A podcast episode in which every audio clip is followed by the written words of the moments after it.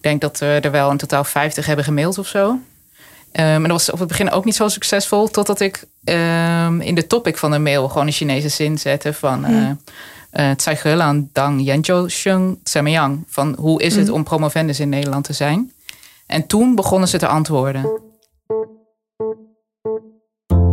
De artikelen van Follow the Money komen niet zomaar uit de lucht vallen. Daar gaat heel wat graafwerk aan vooraf. In deze podcast vertellen auteurs van FTM over hun onderzoek en de achtergronden van hun verhaal. Frederik vraagt door. De podcast van Follow the Money. Doreen Boy en Annabel de Bruin, van harte welkom in de podcast. Yes, Dankjewel. dank je. Het is tijd voor weer een nieuwe aflevering in het China-dossier. Want dat mm. gaat maar door sinds bijna twee jaar. En Doreen, jij werkt daar al langer aan hier bij Follow the Money. Je hebt, eh, bent ook al vaker te gast geweest. Annabel, ik vind het een mooi verhaal om even te horen hoe jij hier terecht kwam bij Follow the Money. Want jij was zelf al bezig met onderzoek naar China, hè?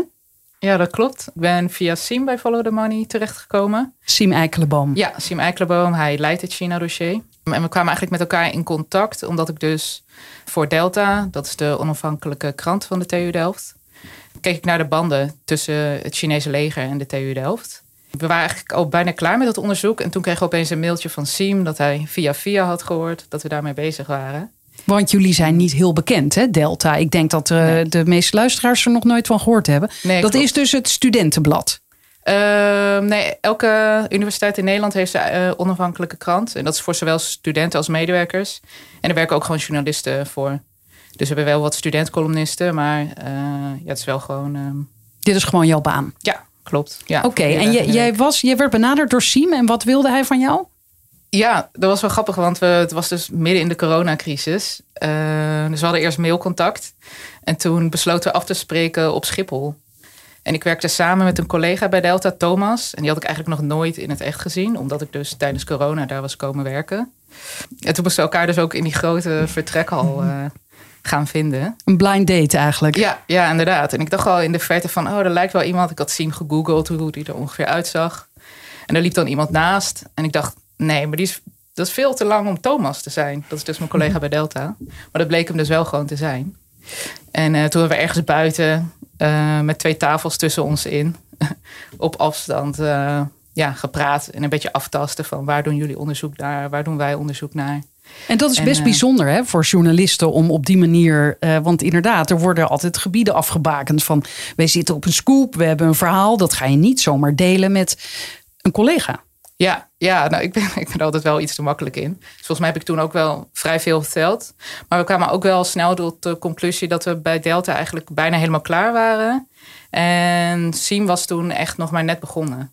En waar hadden jullie al onderzoek naar gedaan? Um, ja, we hebben toen gekeken naar met wie werkte TU Delft eigenlijk samen in China.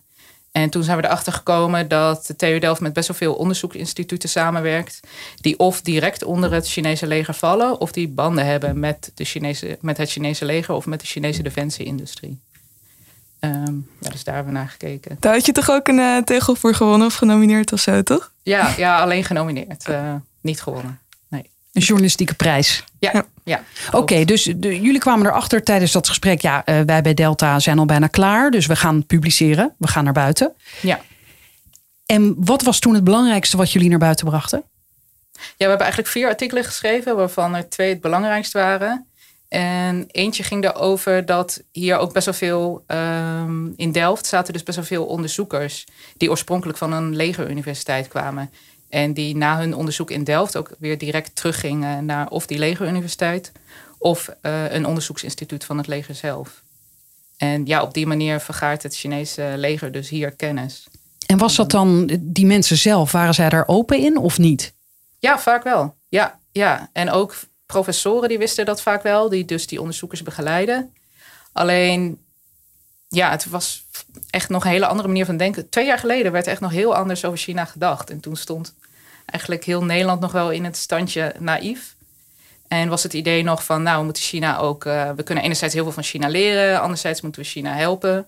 En toen werd er nog eigenlijk veel minder gekeken naar ja, de risico's die komen kijken bij wetenschappelijke samenwerking met China. Standje naïef, dat vind ik wel een mooie uitspraak. Uh, tot wanneer stond jij in standje naïef, Dorien?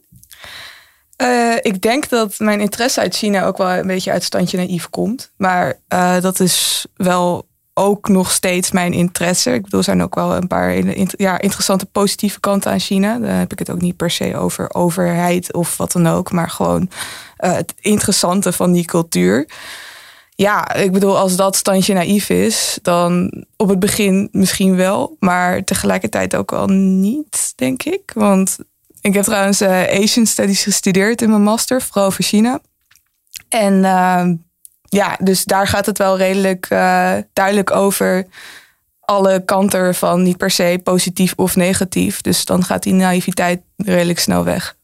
En nadat jullie gepubliceerd hadden, die vier artikelen, die, dat, dat ging toen ook uh, all over the place. Hè? Allerlei andere media pikten dat op. Ja, ja, klopt. Het was op NRC, NOS, Radio 1, Radio 2, Financieel Dagblad. Uh, ja, nog wat media.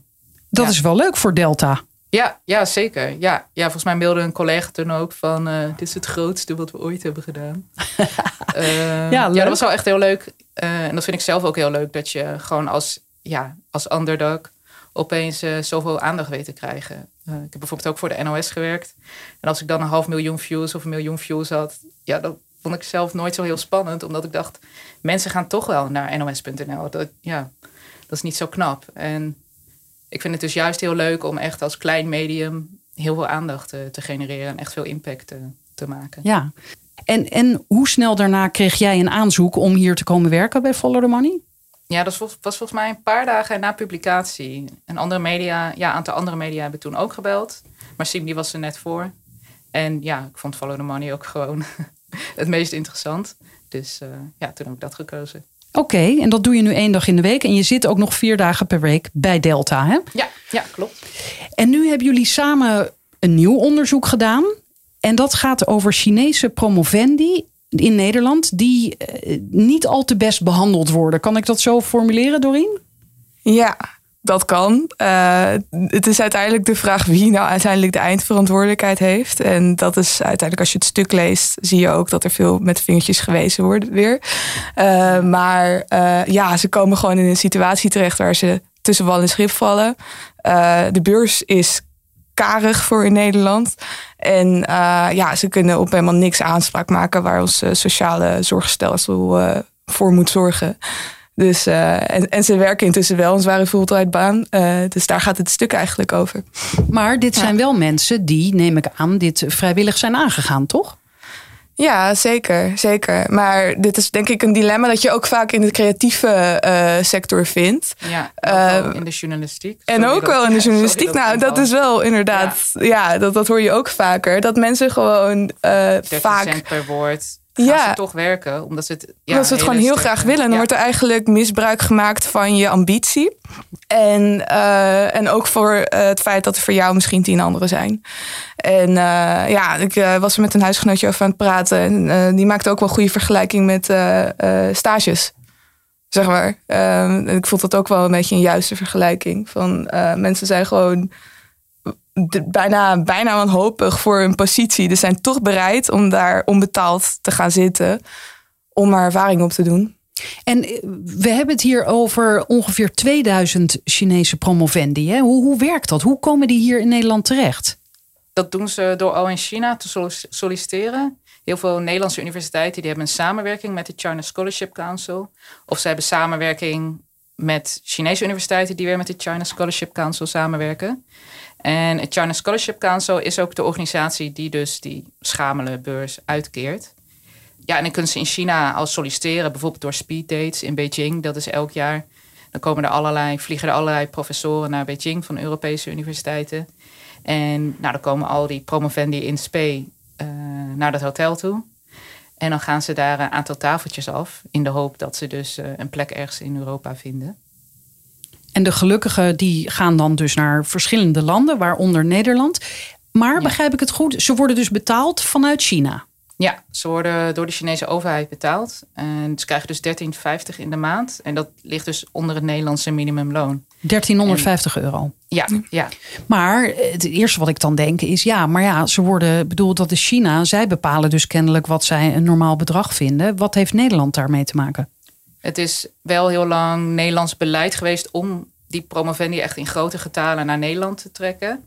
En daarbij wisten ze ook dat die promovendi zo weinig betaald krijgen. Um, maar is dat dan de verantwoordelijkheid van Nederland?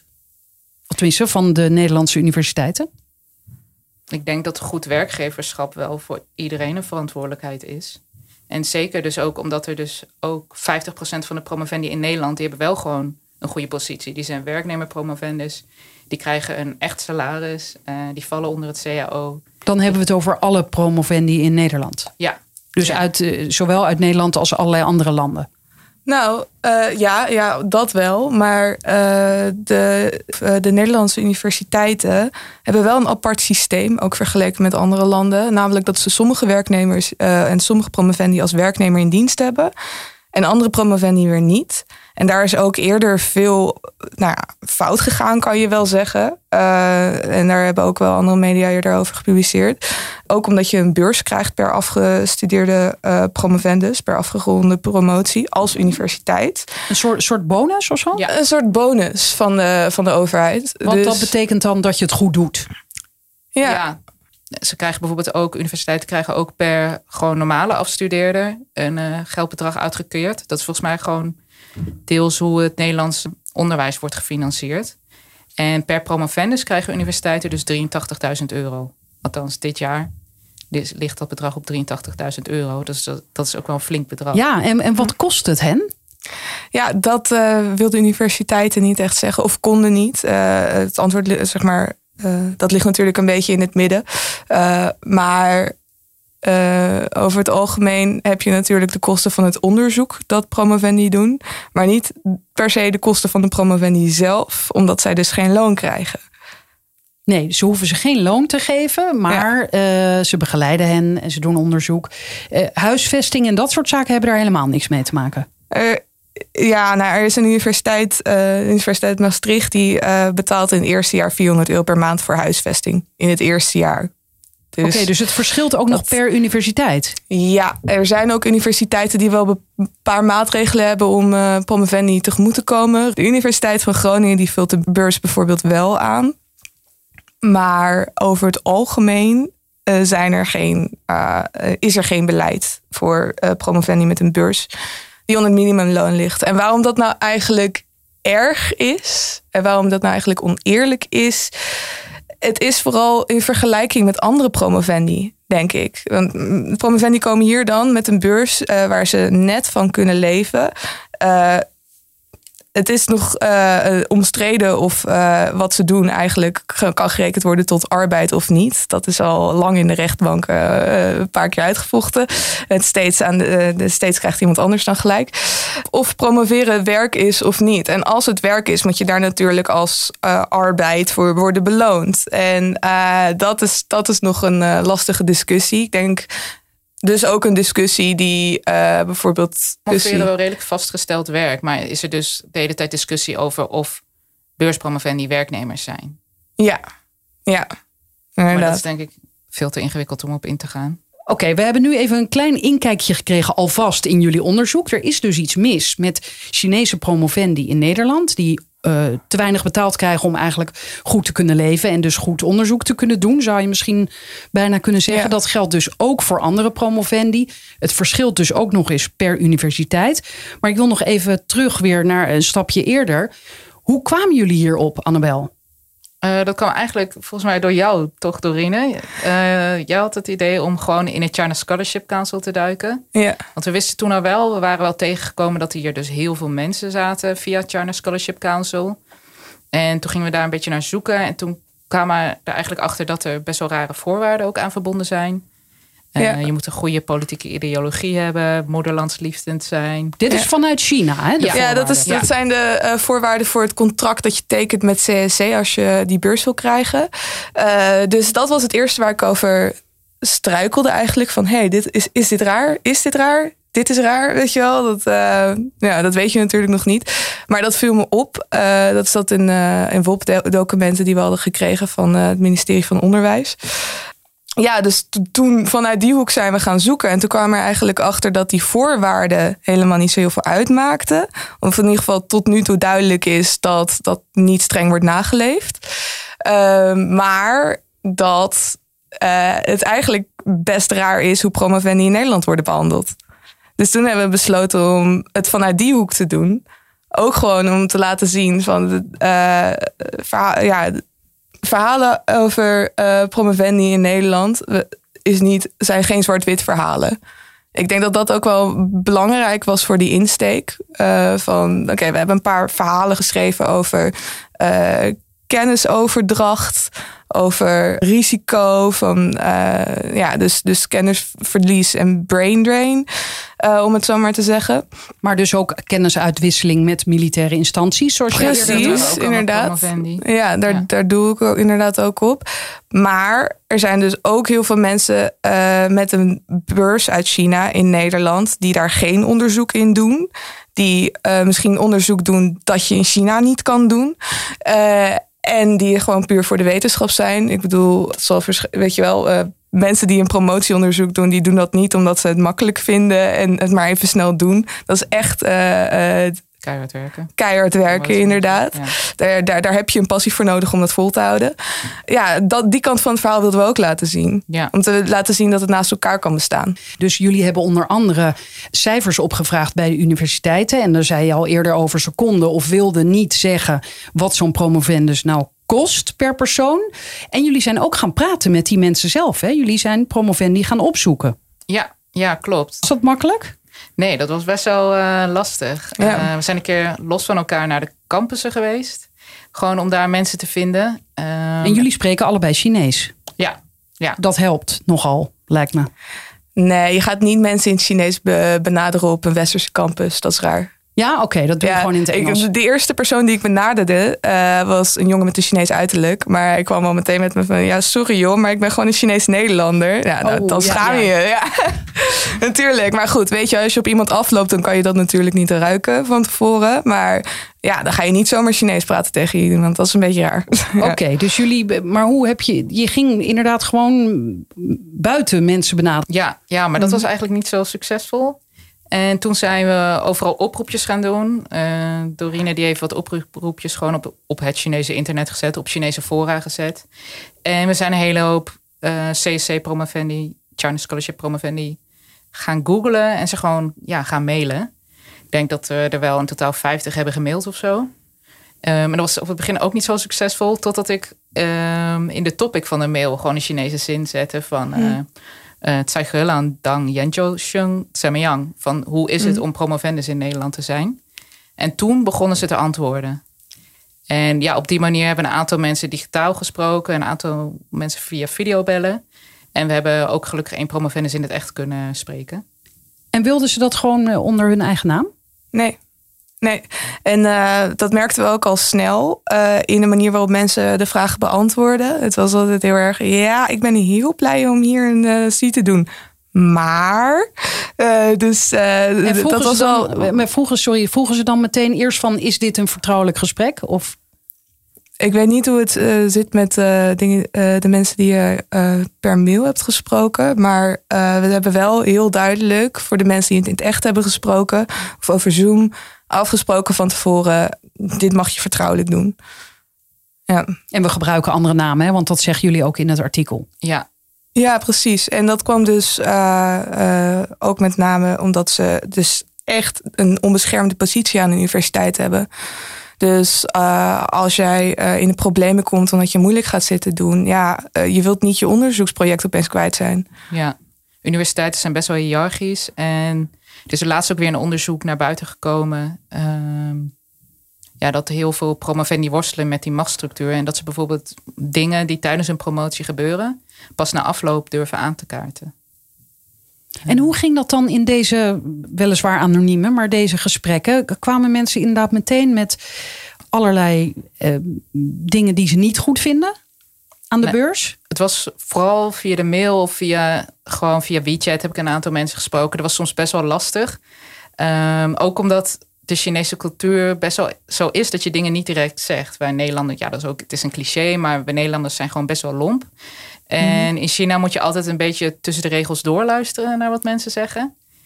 En ja, ja, dus dat had je enerzijds. En anderzijds had je gewoon dat ze, ja, juist omdat ze niet ondankbaar wilden overkomen, vonden ze het ook heel moeilijk om dingen hard te zeggen. Dus een vrouw via WeChat die zei bijvoorbeeld: Nou, het is net genoeg van rond te komen. Ik kan wel eten, maar ik kan geen geld sparen. Smiley erachter. Ja. Dan, ja, waarom staat daar een smiley achter? Ja. Dan, ja, ze had Mhm. dan toch, ja, je voelde dat ze dan toch, ehm, ja, die behoefte had om dat, haar uitspraak iets te verzachten. Ja. Dus we hebben lang doorgezocht naar iemand die eh, onderliggende dingen expliciet kon maken. Eh, en daar hebben we uiteindelijk wel voorbeelden van gevonden. Ja, dus, maar dat duurde gewoon wel even. Omdat we inderdaad uit verschillende van die mailantwoorden opmaken van hier zit inderdaad iets niet goed. Ja. Eh, maar niemand durft het recht, recht toe recht aan te zeggen. Durft of, of wilt of is niet gewend. Weet je wel, dat weet je ook niet. Maar ja, het, ja zo te zeggen. Ja, ja, dat was dus ja, best wel lastig. En eh, pas bij de allerlaatste promovendus konden we echt heel goed ja, echt doorvragen. En bij degene die jullie live hebben ontmoet, was dat dan ook meteen degene die het meest open was? Ja, Ja, wel. ja. Ja, Mhm. Dat is jullie hoofdpersoon geworden in het stuk. Ja, nou ja, het stuk heeft eh, niet echt één hoofdpersoon, heb ik het idee uiteindelijk. Nou ja, daar begint het mee Ja. misschien. ja dat we, het, het stuk begint met iemand anders die we via videobellen hadden gesproken. En eh, zij was ook al best wel open. Maar de verbinding was slecht en je kon dus niet altijd heel, echt heel lekker doorvragen. En de laatste promovendus die we hebben gesproken, dat was ook gewoon een heel ja, goed lachs, outgoing persoon. Ehm, de- ja, dat- die praten ook gewoon heel gemakkelijk. Ja. En dan, heb, dan merk je denk ik toch wel het verschil met eh, in het echt zitten voor een gesprek eh, versus via Zoom. Dat Ja. maakt toch, ja, Dat is toch heel anders inderdaad. het stelt Ja. mensen meer op hun gemak ook, denk Ja. ik. Je hebt toch meer vertrouwensband als je elkaar face-to-face ziet. Ja, precies. Hadden zij zelf ideeën over hoe het dan beter zou kunnen? En wie dat zou moeten regelen? Nee, niet echt. Dat is een beetje het lastige hieraan. Het is niet echt duidelijk waar het nou misgaat. Want je merkt zelf al op, het is de Chinese overheid die een lage beurs uitkeurt. Tegelijkertijd zijn het Nederlandse universiteiten die er of niks aan willen of niks aan kunnen doen. Ja, en ze maken bijvoorbeeld kunnen geen aanspraak maken op kinderopvangtoeslag. Dat is een probleem. Dat Want sommige van hen eh, zijn hier met hun kinderen. ja, ja, dat is een probleem dat heel erg bij de Belastingdienst ligt. En die laatste promovendus zei ook van ik, ik wil er wel wat aan doen, maar ik heb echt geen flauw idee waar ik moet beginnen. Moet ik bij het parlement zijn? Moet ik gewoon bij de Nederlandse maatschappij zijn? We hebben loketten hè, voor van zijn. alles, toch?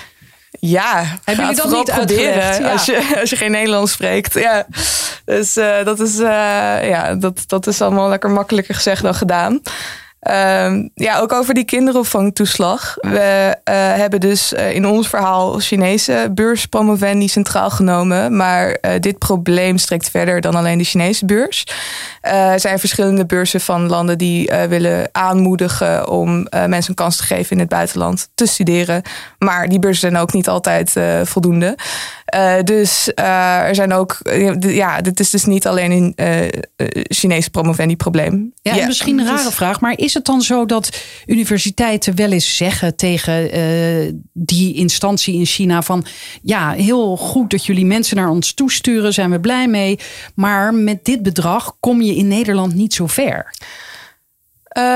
Het bedrag is op een gegeven moment wel verhoogd. Volgens Ja, mij juist klopt. ook door die discussie. Ja. Maar nog steeds onder het minimumloon. dus dat. eh, Ja, het lag op 800 euro en nu ligt het dus op 1350 euro. En dat is, IND die heeft ook een soort bestaansminimum vastgesteld. En 1350 ligt daar net boven. Ja. Dus voor veel universiteiten is dat dan het argument om er niet voor aan te doen. Ze zeggen ja, het ligt boven het bestaansminimum. Dus het kan door de beugel. Ja, veel mensen denken bij promovendi aan eh, een beetje aan studentico's types. Maar dat is het natuurlijk al lang niet meer. Promovendi zijn ongeveer 33 wanneer ze afstuderen. En eh, ja, tegen de tijd heb je misschien een gezin of ben je wel toe aan niet gewoon een studentenkamer. En dan kan je zeggen, dit is je eigen keuze. Maar daar ben ik het eigenlijk niet zo mee eens, eerlijk gezegd. Ik vind dat daar wel, ja, ja, mijn, mijn hypothese is dus dat dit eh, probleem eigenlijk lang door universiteiten naast zich neer is gelegd. Omdat het gewoon te moeilijk is om aan te pakken. Ehm, ja, eh, hoe ga je die beurs dan eh, aanvullen? Hoe werkt dat met de Belastingdienst? Dat is gewoon lastig, lastig te regelen. En als het dan ook nog veel gaat kosten, dan, ja, dan komt het onderaan de stapel terecht. En ik denk dat dat gewoon heel erg is gebeurd. Want, Eh, want op ja. kleiner vlak, want jullie schrijven ook dat bijvoorbeeld sommige begeleiders van die promovendi, eh, Nederlanders, die zeggen: Ja, ik vind dit vreselijk, ik heb medelijden met ze, ik wou dat ik wat kon doen. Eh, jullie hebben zelfs een voorbeeld van iemand die oppaste op de kinderen van een promovendus, toch? Om een beetje te helpen. Dus er is niet per se sprake van onwil. Nou ja, niet bij begeleiders. Die zijn de professoren of promotoren, die zijn vaak best zo. Die hebben een persoonlijke band ook met de mensen die ze begeleiden. Ehm, ja, en bij universiteiten is het nou heel lastig om te achterhalen: is het nou onkunde of onwil? Ze zeggen dat het heel ingewikkeld is om die beurs te verhogen. De Rijksuniversiteit Groningen kan het wel. De Universiteit van Amsterdam heeft onlangs besloten om dat te doen. Daarvoor hebben ze een deal gesloten met de belastingadviseur. Dus het kan wel. En er zijn ook drie universiteiten geweest die eigenlijk gewoon in hun antwoorden hebben toegegeven dat ze het te kostbaar vinden. Ze vinden het te duur om beurspromovendi eh meer, ja, om die beurs iets te verhogen, zodat ze wel goed kunnen rondkomen. En waarom dat nou duur is, is omdat je dus ook nog belasting overheen moet betalen. Eh, en en dat, dat, dat zeggen ze vaak niet expliciet. Dat ze dus ja, dat gewoon bij elkaar te veel vinden. Eh, dat, ja, dat ze dat er gewoon niet voor over hebben. Nou, ik ben heel benieuwd wat er, er nu eh, zal gebeuren, nu dit stuk eh, naar buiten komt. Ehm, over die, terug naar die voorwaarden, waar jullie eigenlijk het onderzoek mee begonnen. Het viel me op dat eh, een van de voorwaarden van China is van oké, na die promotie kom je terug naar China en ga je minstens twee jaar lang in China werken. Maar sommige promovendi hebben tegen jullie gezegd, ja, ik wil helemaal niet terug naar China, ik ga ook niet. Kan dat dan wel, dat ze gewoon niet teruggaan? Ja, tot nu toe eh, lijkt het erop dat die voorwaarden gewoon heel slecht worden nageleefd. Dus dat dat dan officieel niet mag, maar dat er geen consequenties aan vastgebonden zitten. Eh, wat ik me dan afvraag is, dit betekent niks voor de toekomst. Dus dat bedoel is, je? nou ja, weet je dat, dat het CSC nu eh, een beetje losjes is met die voorwaarden. Betekent misschien niet dat over een paar jaar dat wel opeens heel erg streng is. En dan zit je als promovendus misschien wel in de problemen. Maar ja, daar hebben we niet dieper ingedoken. Omdat we dachten, nou ja, we kunnen nu niet met zekerheid zeggen dat dit een probleem is. Maar misschien wel iets om in de gaten te houden. Ja. En hoe vonden deze mensen die jullie dus gesproken hebben het? eh, Ja, dat jullie zeiden, wij maken hier een stuk over. We doen ook onderzoek. En we brengen dit straks naar buiten. Ja, ik heb een aantal mensen het stuk al gestuurd. Of ja, eigenlijk iedereen, want ze moesten er wel even naar kijken Ja. of de informatie niet alsnog herleidbaar naar eh, hen was. Van iemand vermelden we bijvoorbeeld dat ze bij een denktank heeft gewerkt. Daar maakte ik me een beetje zorgen over van hoe zou haar universiteit er dan kunnen achterkomen wie het is. En ze zijn heel blij met het stuk, zeggen ze Ja? tot nu toe. Ja, ze vinden het gewoon fijn dat er eindelijk iemand eens aandacht eh, besteedt aan ehm, ja, hun lot. Nou, mooi hè? Toch? Dit is, eh, Ja, nou, maar niet bij eind goed, vermelden. al goed eigenlijk. Nou ja, nee, ik, ik heb het idee dat de universiteiten nu ook na dit s- stuk, maar laatst ook een stuk verschenen in het maandblad Folia eh, over dit onderwerp. Van Eh, de Universiteit van Amsterdam. Ja, inderdaad. Dus dat zoomt in op Amsterdam. Ja, dus, dus het wordt overal wel breder opgepikt. Ik denk dat het wel het juiste moment is om te publiceren, zeg maar. Eh, omdat je voelt dat er wel iets staat te veranderen. Maar ja, en dat kan je voor de natuurlijk goede niet orde, eh, die mensen dragen ook echt iets bij aan onze maatschappij. Dus waarom zouden we ze daar niet voor belonen, toch? Ja, ja, ze dragen gewoon bij aan het onderzoek dat aan Nederlandse universiteiten wordt gedaan. Ja, ja, en opnieuw, het, het is dus als je promovendus bent, ben je niet zomaar eh, iemand die de koffie gaat halen. Je draagt evenveel bij aan het wetenschappelijk onderzoek als alle andere onderzoekers. Is dit nu voor jullie afgerond? Zitten jullie alweer helemaal in een ander onderwerp? Ehm, ik blijf het zelf nog wel even in de gaten houden. We zijn er ook nog niet over uit of we het in de gaten willen blijven houden. Nee, nee, maar eh, ik heb ook wel het idee dat er dus nog best wel wat dingen staan te gebeuren. Dus daar ben ik ook wel benieuwd naar. En ook inderdaad de anekdotes die ehm, eh, onze interviewers eh, hebben verteld. Dat waren ook een paar via via. En daar ben ik ook wel nog benieuwd naar wat, wat daar het echte verhaal van is. Dus dat, ja, misschien wordt vervolgd. Ja, ik ben wel benieuwd even hoe zoiets nou werkt in een team. Want er zijn hier natuurlijk meerdere teams bij Follow the Money. Jij zegt, we weten nog niet zeker, we zijn er nog niet uit of we hiermee doorgaan. Waar hangt dat dan vanaf? Ehm, ja, wat ik bijvoorbeeld nog interessant vind, is om te kijken naar eh, wat zijn nou de nationaliteiten van alle beurspromovendi en wat is de nationaliteit van de werknemers in dienst. Want het lijkt, ja, ik heb het vermoeden dat heel veel, wer- of heel veel promovendi in dienst Nederlands zijn. En dat heel veel beurspromovendi uit Azië komen. Ja, ja. En ja, die lijn zou je kunnen doortrekken naar een soort van ja, koloniale ongelijkheid. Inderdaad, zodra je, zodra je uit een eh, tussen haakjes derde wereldland komt, dat je minder kans krijgt om eh, in dienst te komen. Ja, dan wanneer Ja. je gewoon lekker in Nederland geboren bent. Ja, Ja. lijkt me zeker interessant. En ook voor de volledigheid eigenlijk. Ja, Ja, ja. Dit is wel, weliswaar precies. dossier China, maar goed, eh Follow the Money schrijft over meerdere onderwerpen. Dus dat zou ook eh, in dat opzicht goed zijn. Ja, want we zagen ook in dat dit niet alleen een probleem is van Chinese beurspromovendi, maar het ook groter is. Dus Werk aan Dus de ja. winkel dus. Ja, zeker. Lukt dat wel met één dag in de week eigenlijk? Nou ja, het is wel wat langzamer. En volgens mij is het voor Dorine ook best wel vervelend dat ik daar dan maar één dag in de week aan kan werken. En ja, ik doe vaak ook nog wel s'avonds dingen hoor. Maar ja, het is, soms vraag ik me wel af hoe dat voor Dorine is. Dat ik, ik kan eh, me best voorstellen dat eh, wat, wat je ook vaak ziet met eh, werk waar je de tijd flexibel kan indelen, dat één dag per week uiteindelijk niet helemaal één dag per week meer is. Nee, dat, dat is inderdaad ook wel zo. Ja. Maar jij werkt hier fulltime aan. En soms dan denk ik wel van, oh, is het niet- voor Dorine niet gewoon vet vervelend dat... eh Jij gaat gewoon weggekocht worden bij Delta. Dat is mijn voorspelling. Zou kunnen. Kijk, Dorien kijkt nu heel verrast. nou ja, oké, dat laten we even in het midden. Eh, Ja. Hartelijk dank voor dit moment. Yes, Ja, ja, dankjewel. dank je.